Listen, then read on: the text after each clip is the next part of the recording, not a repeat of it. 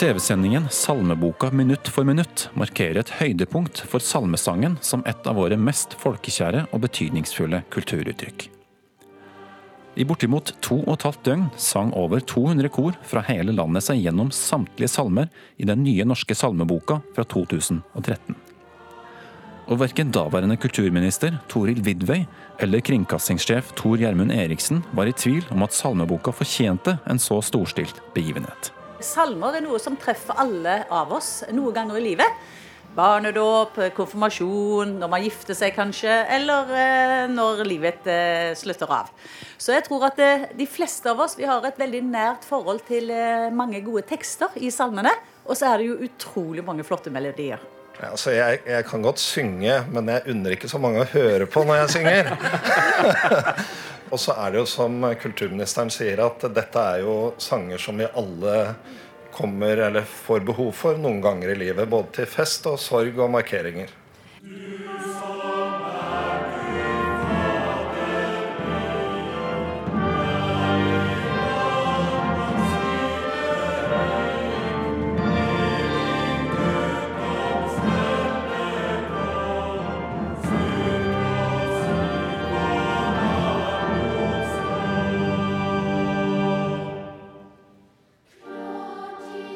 Sin kraftfulle religiøse tekst og sin enkle, men uttrykksfulle melodi har salmen i århundrer gitt norske menn og kvinner, gamle og unge, bønder og byfolk, lykke i høytidsstund, trøst i alvorets time og sinnets rekreasjon i ledige stunder. Salmer har vært sunget i kirker, i skoler og i de tusen hjem, ofte med de enkleste midler til rådighet. Salmen har vært selve stedet hvor det himmelske og det jordiske møtes, hvor den folkelige musikkpraksis lades med guddommelig kraft, og hvor musikere av ulikt slag finner en utømmelig kilde til inspirasjon og råmateriale. Folket frelser til oss kom, født av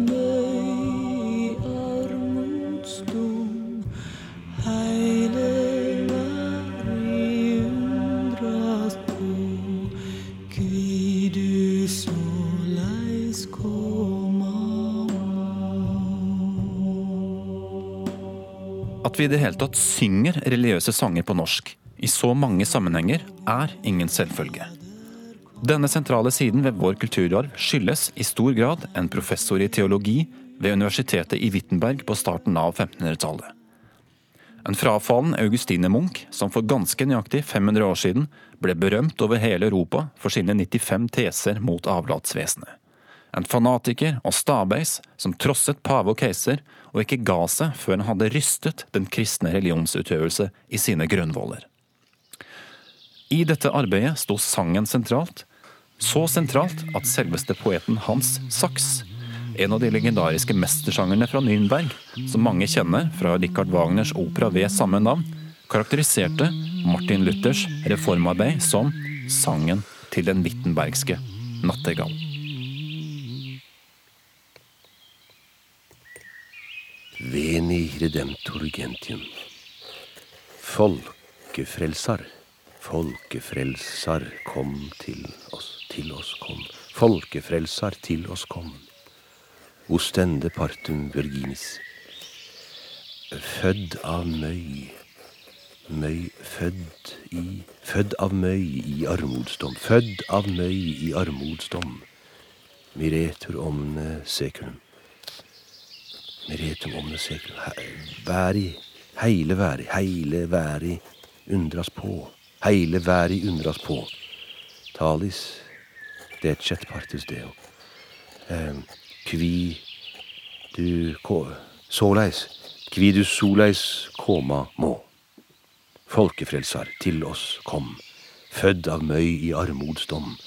Heile væri undras på, kvi du såleis koma må.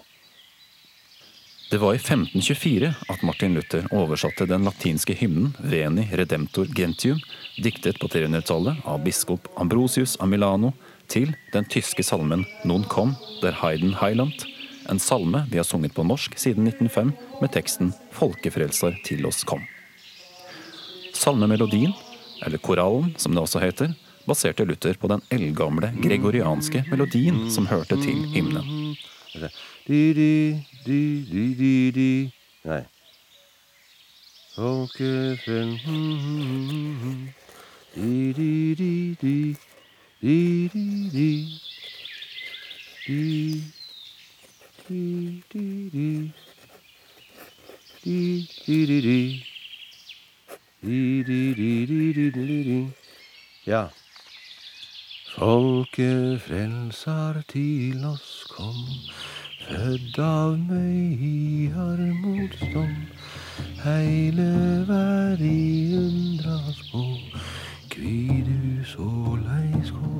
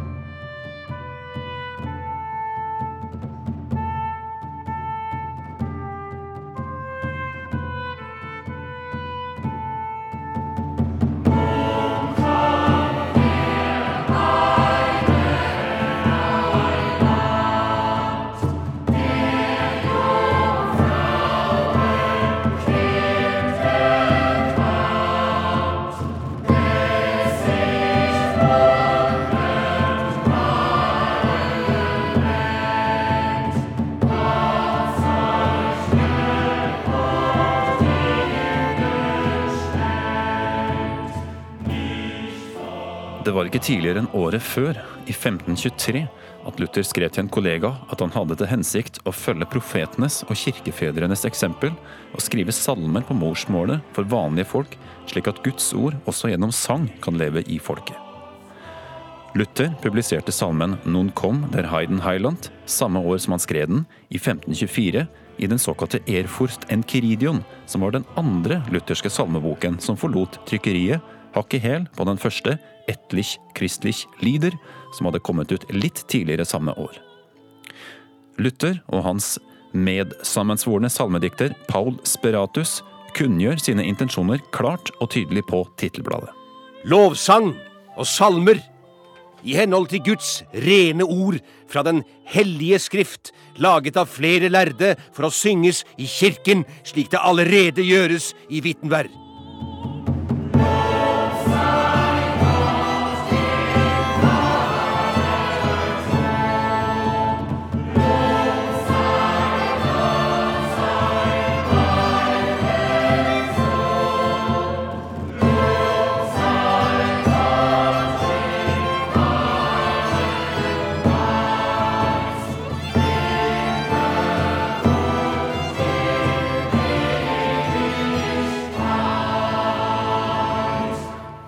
Lærde, med Luther i spissen, skrev salmer og koraller så blekket sprutet. Hele 24 av Luthers salmer ble utgitt i det som ofte omtales som det store salmeåret 1524. Tekstene kunne være nyskrevet eller oversatt fra latinske hymner og liturgiske elementer. Korallmelodiene var gjerne bearbeidelser av gregorianske melodier, det kunne være folkeviser, eller det kunne være nykomponerte. Korallmelodien skulle være syllabisk, altså med én tekststavelse per note i melodien. Den skulle ha en enkel og regelmessig taktart, bevege seg i fjerdedelsnoter og halvnoter, og den skulle være lett å huske. Resultatet var teologisk dynamitt. Flere av disse salmene var i 1524 allerede trykket som flyveblad, og det spredte seg som ild i tørt gress over store områder. Faktisk ble salmene så populære at Luthers teologiske motstandere klaget over at hele folket sang seg inn i hans religiøse doktriner. En spansk jesuitt hevdet til og med at Luther hadde drept flere sjeler gjennom sine salmer enn gjennom sine taler og skrifter. I dag er det en utbredt oppfatning at salmesangen på morsmålet var reformasjonens største suksessfaktor blant de bredere lag av folket.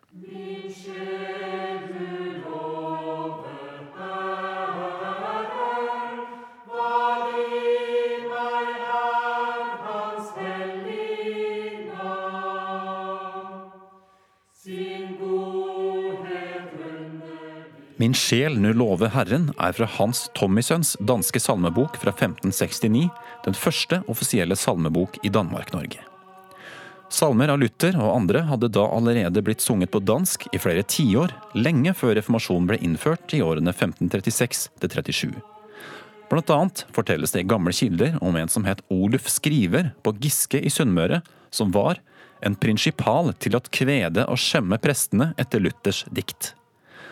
Oluf Skriver saboterte rett og slett den katolske gudstjenesten ved å sitte og gaule Luther-salmer. Da presten ville forby ham å komme i kirken, svarte han visstnok at han da kom til å sitte oppi et tre i kirkegården og brøle Luther under gudstjenesten.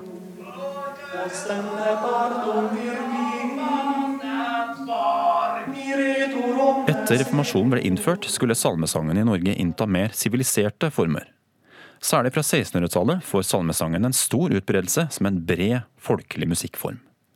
Det oppstår et rikt marked for ikke-offisielle, private salmebøker skrevet av en ny generasjon salmediktere. 1600-tallet er århundret hvor norske salmediktere som Dorothe Engelbrettsdatter og Petter Dass skriver seg inn i hjertene til så vel bønder som byfolk, godt hjulpet av tradisjonsbærerne innenfor folkesangen som forsynte de nye salmetekstene med et stort antall melodivarianter.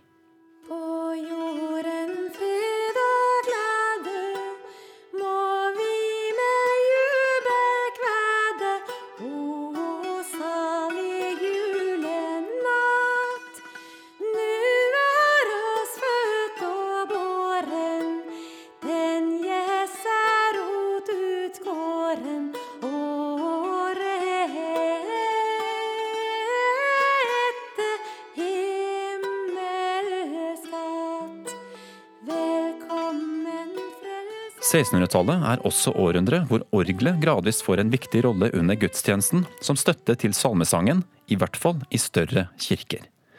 I siste halvdel av århundret ble det installert orgler i kirker i byer som Kristiansand, Fredrikstad, Skien, Kongsberg og Halden, for å nevne noen. I Kristiania på midten av 1600-tallet var det den driftige karen Jacob Brandt som hadde jobben som organist i det som den gangen var byens domkirke, Hellig Trefoldighets kirke på Kristiania torv. I tillegg til jobben som organist bestyrte han domkapitlets kommunegods og var forstander ved Oslo hospital. På dette tidspunktet hadde Den lutherske koral blitt omdreiningspunktet for et nytt repertoar utviklet av tyske organister, de kunstferdige korallbearbeidelsene for orgel solo.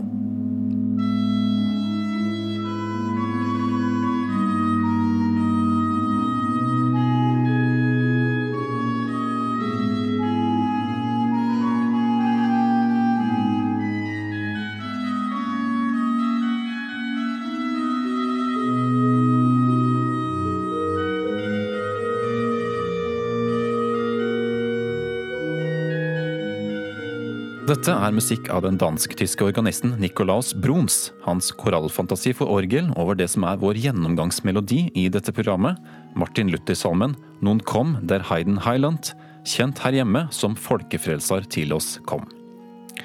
Med denne musikken har vi beveget oss vekk fra den mer folkelige siden ved Luthers musikalske arv, representert ved salmesangen i og utenfor kirken, og over til den andre storslagne musikktradisjonen vi kan takke Luther for. Det er den protestantiske kirkekunstmusikken, som hadde sin storhetstid fra Luthers dager og frem til midten av 1700-tallet. Det var ingen selvfølge at musikken skulle få en så sentral plass innenfor den reformerte kirke. Blant de store reformatorer på 1500-tallet er Luther helt alene om å tillegge musikken en så stor plass. Fra sitt sentrum i Zürich kom Ulrich Zwingli frem til at Bibelen ikke ga noe dekning for at musikk skulle utgjøre noen del av liturgien. Luther derimot betraktet musikken som en av Guds mest fremragende gaver til mennesket, og vektla musikkens betydning i gudstjenesten, i presteutdanningen og i latinskolene. I forordet til en samling av musikkstykker utgitt i 1538 gir Luther i åndfulle språklige vendinger uttrykk for den helt særegne posisjonen musikken har som kunstform. Hvor gjerne skulle jeg ikke av hjertet lovprise og anbefale alle musikken som den guddommelige og aldeles ypperlige gave den er. Men jeg er så overveldet av storheten og mangfoldet av gode og fine egenskaper at jeg verken kan finne åpning eller avslutning eller på noen måte få ordnet stoffet på. Like oppsatt som jeg er på å få lovprist den, like fatteslig og ubehjelpelig er lovprisningen nødt til å bli. For hvem kan vel favne om alt? Dersom du forsøkte på å favne om alt, ville enden på visen bare bli at du ikke fikk tak på noen ting.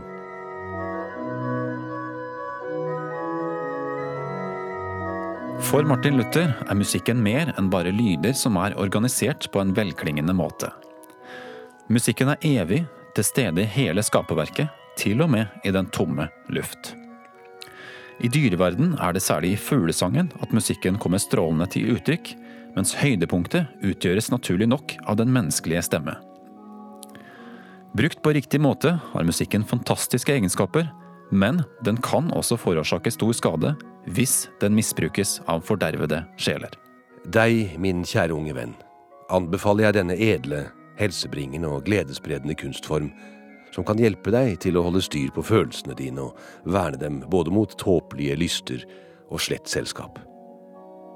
Og de fordervede sjelene som misbruker denne naturens og kunstens herlige gave, slik uanstendige diktere gjør med de usunne kjærlighetsvisene sine, skal du holde deg langt unna. For du kan være viss på at det er djevelen som røsker dem med seg, på tvers av naturen, som med denne gaven utelukkende vil og bør lovprise Gud, giveren.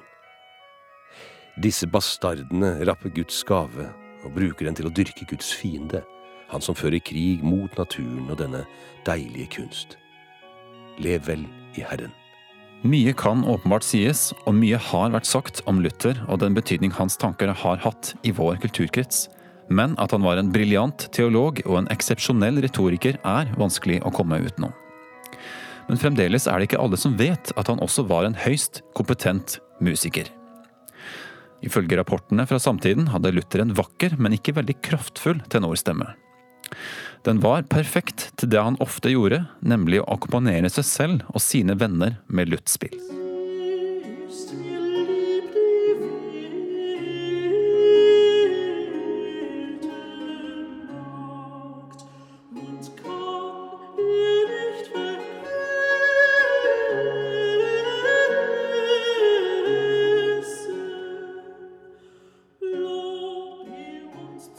Luther samarbeidet tett med flere fremragende musikere ansatt hos Fredrik den vise i Wittenberg og Torgau.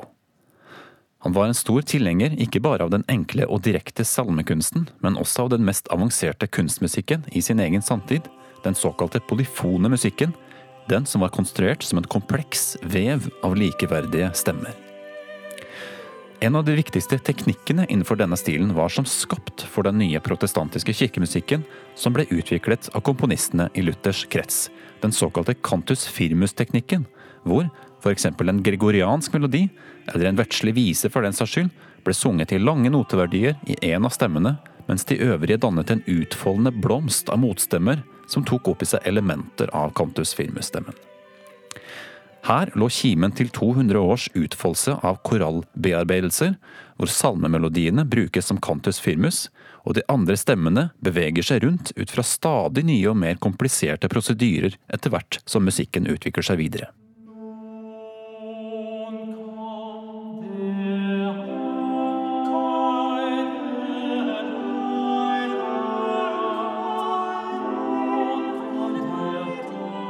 I forordet fra 1538 ga Luther sin lovprisning til denne typen komposisjoner i sitt sedvanlige fargerike språk.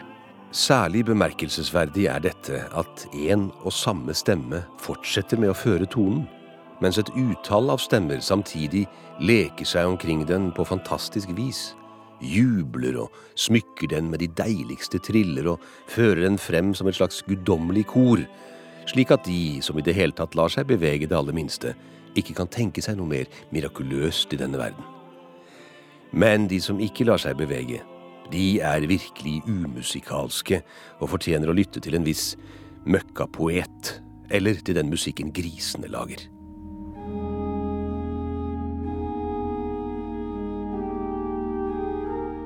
Den protestantiske kirkemusikken når et voldsomt høydepunkt 200 år etter Luther hos Johan Sebastian Bach. Salmen Non kom der Hayden Highland hadde en spesiell betydning for Bach, som den hadde for alle kirkemusikere i de lutheranske delene av Tyskland. Non kom der Hayden Highland er en adventssalme, Og siden advent er den første tiden i kirkegårdet, er denne salmen den første i alle lutheranske salmebøker. Bach har laget en rekke bearbeidelser av koralen, både i orgelverk og i kantater. Kanskje den mest storslagne finner vi i åpningskoret til kantaten som Bach komponerte til første søndag i advent i Leipzig 1724, altså nøyaktig 200 år etter at Luther ga den eldgamle gregorianske melodien den rytmiske og melodiske formen vi kjenner i dag. Denne kantaten åpner med en livlig og intens sats, hvor korallmelodien høres først i orkesteret, i bassstemmen.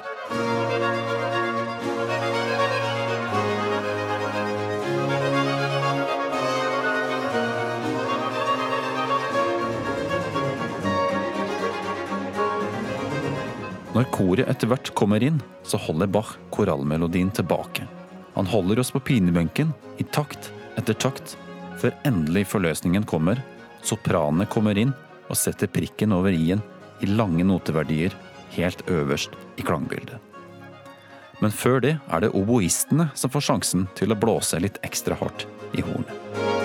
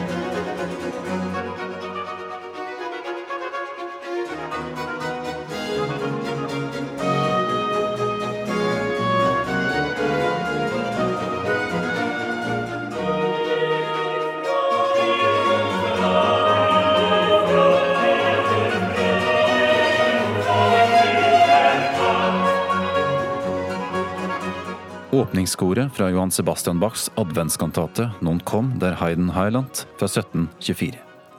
Og med dette er vår reise gjennom Martin Luthers betydning for musikken, både i Norge og litt lenger sørover, kommet til veis ende. Martin Luther har som tidligere i serien blitt gestaltet av skuespiller Mats Austdal. Mitt navn er Øystein Sandvik.